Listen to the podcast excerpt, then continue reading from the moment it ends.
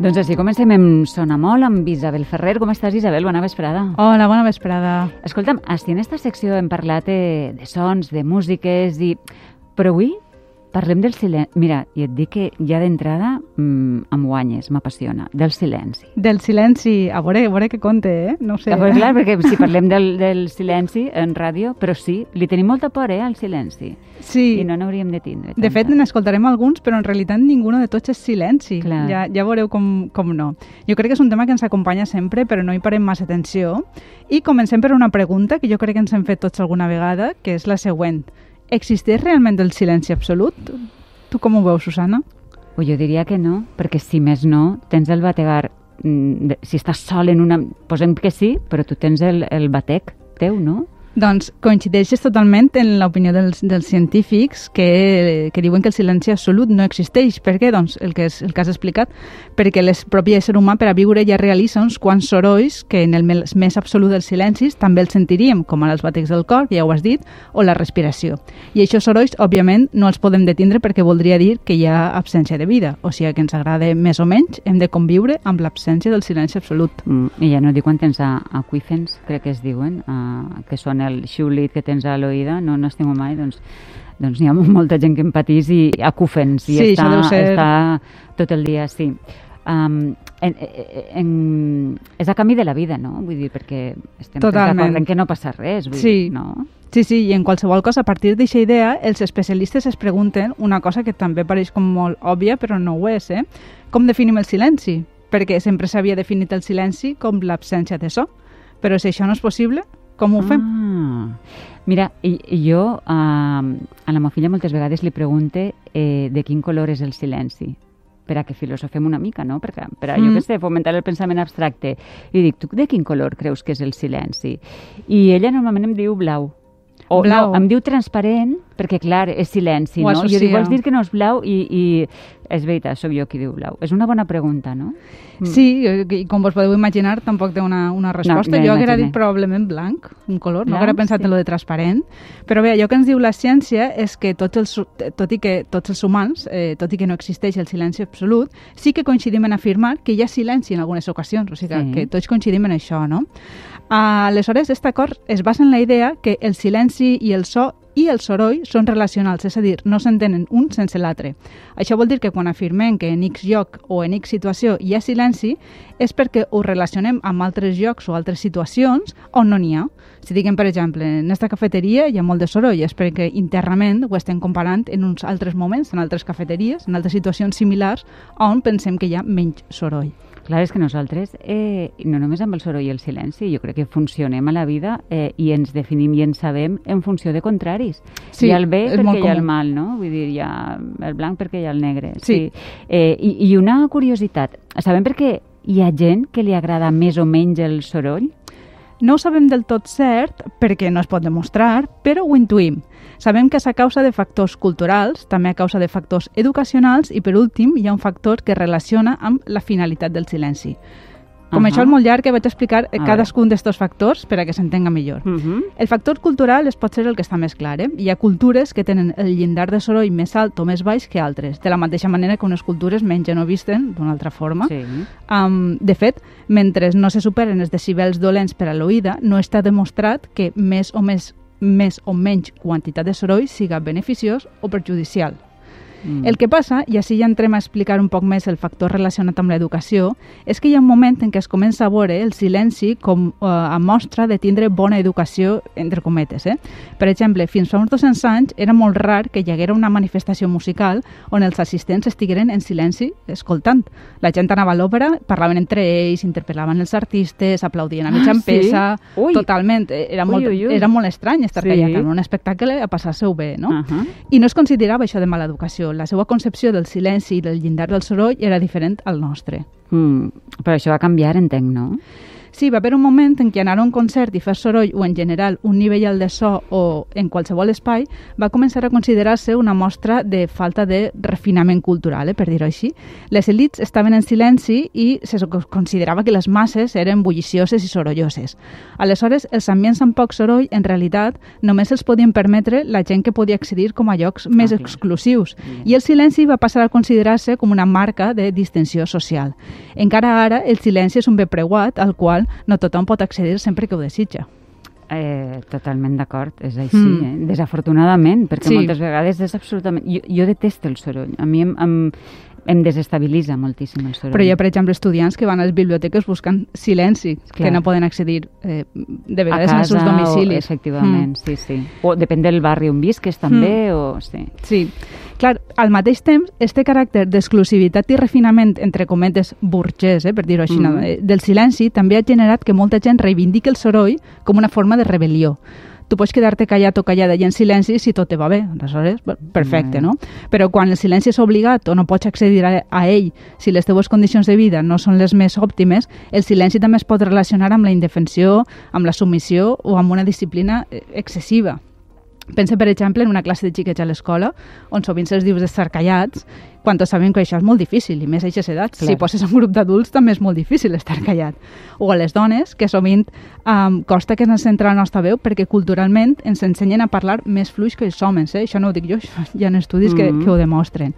Eh, o en les dictadures, que se les assimila el silenci perquè no es pot sobrepassar determinades eh, línies ni opinar. Són situacions que ens descriu Raimon, per exemple, en aquesta cançó.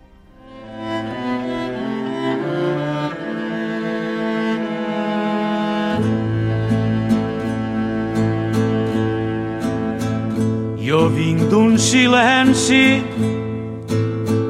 antic i molt llarg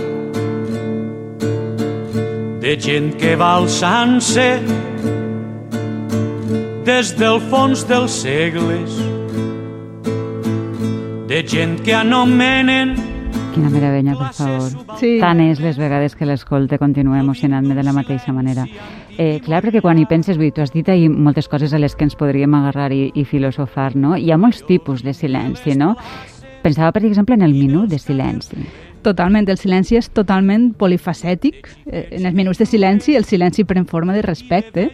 També se'l relaciona amb el misticisme, amb la meditació, amb tot allò espiritual en moltes cultures. Fins i tot hi ha un aspecte molt curiós, però també molt humà, del silenci, i a partir d'ací ja comencem a explorar els usos artístics que s'ha donat també al silenci, i és que el, el, mireu si els humans estem acostumats al soroll, que, que la seva absència, l'absència de so de soroll, ens produeix por això ho saben bé els directors del cinema, que quan volen crear incertesa i tensió, eliminen el so o a l'inrevés. Sí, hi ha, hi ha persones que els agrada tindre sempre una remoreta a la tele sí. o a la ràdio perquè se senten més acompanyades i disminueixen l'angoixa. Tot això I per això deia, sí, i, i deia al principi, eh, eh, tenim por del silenci. Tu en ràdio, vull dir, si ara estem de moment en directe i, i jo em calle uns segons i tu no dius res, de moment veuràs a Tono i a Sergi espantalls de què ha passat, què ha passat, sí. no? O, o l'oient a casa seua ha passat alguna cosa? I potser no, potser vols deixar dos segons que respire la cosa, no? Sí, mm. sí, sí, és, sí, és una altra de les facetes que té el, sí. el silenci. I ja que m'he esmentat el cinema, a fer un rep, anem a fer un repàs d'algunes de les funcions que el silenci ha tingut en la música. Mm. La més senzilla, eh, que és parlar més o menys del, del, dels silencis, de vegades de forma metafòrica, eh, la trobem en algunes cançons, com per exemple este gran èxit. But my words, silent raindrops, fell and echoed. I un altre dels usos habituals amb els quals s'utilitza el silenci és per a separar parts d'una mateixa obra. Uh -huh. De vegades aquests silencis són llargs, que és aquest moment tan típic en els concerts que hi ha gent que aplaudix, sí. clar, l'has parat i, i, la, i la gent aplaudix, òbviament. Sí. Però hi ha altres que són més curts i, separ, i separen dues parts d'una mateixa obra. Este tall s'utilitza habitualment perquè canvia el caràcter de la música, aleshores el compositor o la compositora ho utilitzen amb aquesta finalitat.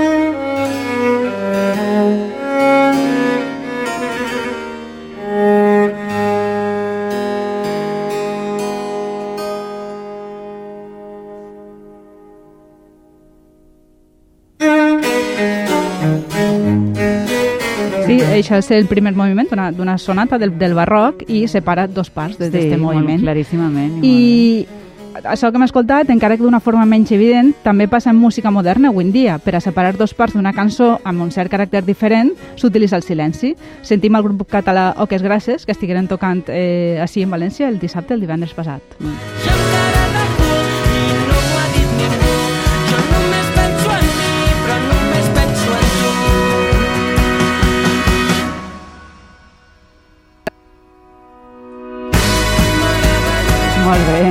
Ens estem perfectament, eh? Però, clar, és que també hi ha sensació un poquet de, de final o de sorpresa, no? Sí, de fet, eixes són altres de les dues finalitats que, amb què s'utilitzen els silencis a, a mitant de la música i que de vegades són indestriables. En esta cançó que ara posarem, també mítica, diria que s'utilitza per a les tres coses que hem explicat. Per a crear una sensació de canvi de part, també crea unes expectatives sobre el que vindrà més tard i també quasi que podria finalitzar la peça segons com, eh?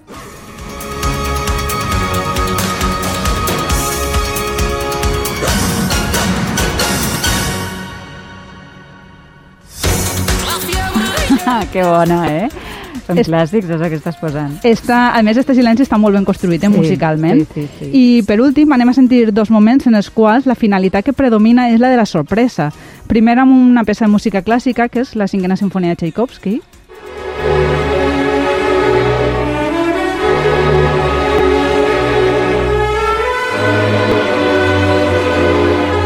Va acumulant tensió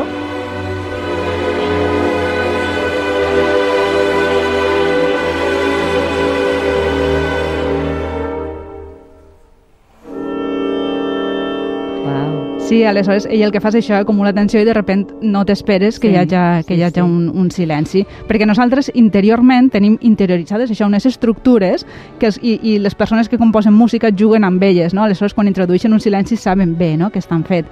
Eh, de fet, este silenci eh, potser en un tros breu no s'acaba d'entendre del tot perquè ve ja de una, un, una estona que està sonant la música i que va com creixent en intensitat i creant aquestes expectatives. I ara l'exemple pop, pop anem a dir que no acaba d'haver un silenci, però també juga amb la sensació de silenci per a produir un efecte de sorpresa.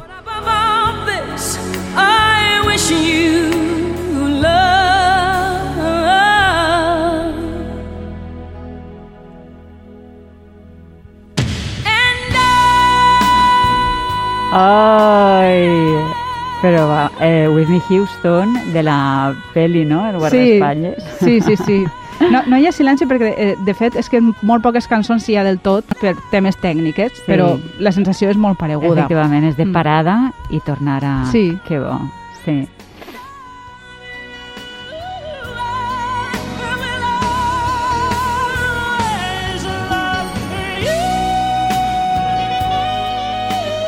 Quina veuassa. Sí, sí, sí.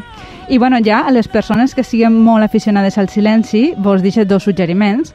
El primer és una obra molt coneguda del compositor nord-americà John Cage. És una peça que hauran sentit parlar d'ella, que es diu 433, en les quals és un pianista o qualsevol altre instrument, Sí. instrumentista i està 4 minuts i 33 segons a l'escenari sense tocar res. Sí, se suposa que el compositor la va crear després de contemplar en una exposició uns quadres amb unes teles completament en blanc. És un exercici d'avantguarda, és de l'any 52, 1952, i on se suposa que el material musical són els sorolls que fan el propi públic. Que bo, no? Vull dir, molt curiós. Eh, eh, pensava en la partitura. En este cas, la, la Mm. tenia en blanc o no? No, en la partitura posa tàcet, que és un llatinisme, que és igual com tàcit, eh? que vol dir que, que en aquest moment no, no, l'instrumentista no ha de tocar res. I ja l'última cosa per als aficionats al silenci, però poc recomanables, són les cambres anecoiques, que són habitacions dissenyades per absorbir el màxim de soroll in, in, de sorolls interns i aïllades de l'exterior. S'utilitzen com a estudis de gravació o per a fer proves sonores, per exemple, amb, Sí. amb cotxes. També s'ha gastat per a experimentar, entre cometes, com viuria l'humà sense soroll i la conclusió és que quan estem mm, més d'uns 45 minuts sense sentir res, eh, només a nosaltres mateixa, podem començar a no embogir directament, però sí a fer conductes eh, fora d'allò habitual. Ui, ui, ui. A l'espai exterior no hi ha so. Vull dir, no, no, hi ha silenci, no? Aleshores, si hem de colonitzar... Bueno, si, si sim nosaltres a l'espai exterior s'ha acabat el silenci, no? Vull dir, començarem a fer soroll, no? I... Ai, doncs mira, no ho sé, eh? jo no, no fins al punt d'arribar a, a, sentir angoixa, però sóc una gran amant del silenci. Cada vegada em produís més eh, el soroll, el soroll, no la gent, el rebombor i tot això està bé, però quan pas... Mm, mm, preferisc el Probablement l'opció a elegir sigui la millor possibilitat. Sí, i això mateix, depèn del dia i avui m'ha encantat, ha estat apassionant com sempre Isabel parlar del silenci i del que hi ha darrere del silenci. Gràcies, fins Gràcies. la setmana que ve. A tots vostès, com sempre, gràcies també per haver-ho fet possible un dia més, per descomptat silenci quan el necessiten. Seria com la soledat, no? Quan ho el busca, benvingut és. Però si no, cridem, ho dolem, com dèiem al principi, amb Allen Ginsberg, perquè no està la situació per a callar. A vegades sí, per a guardar silenci, sobretot que el tinguen esta nit, que la passem bona, demà tornem.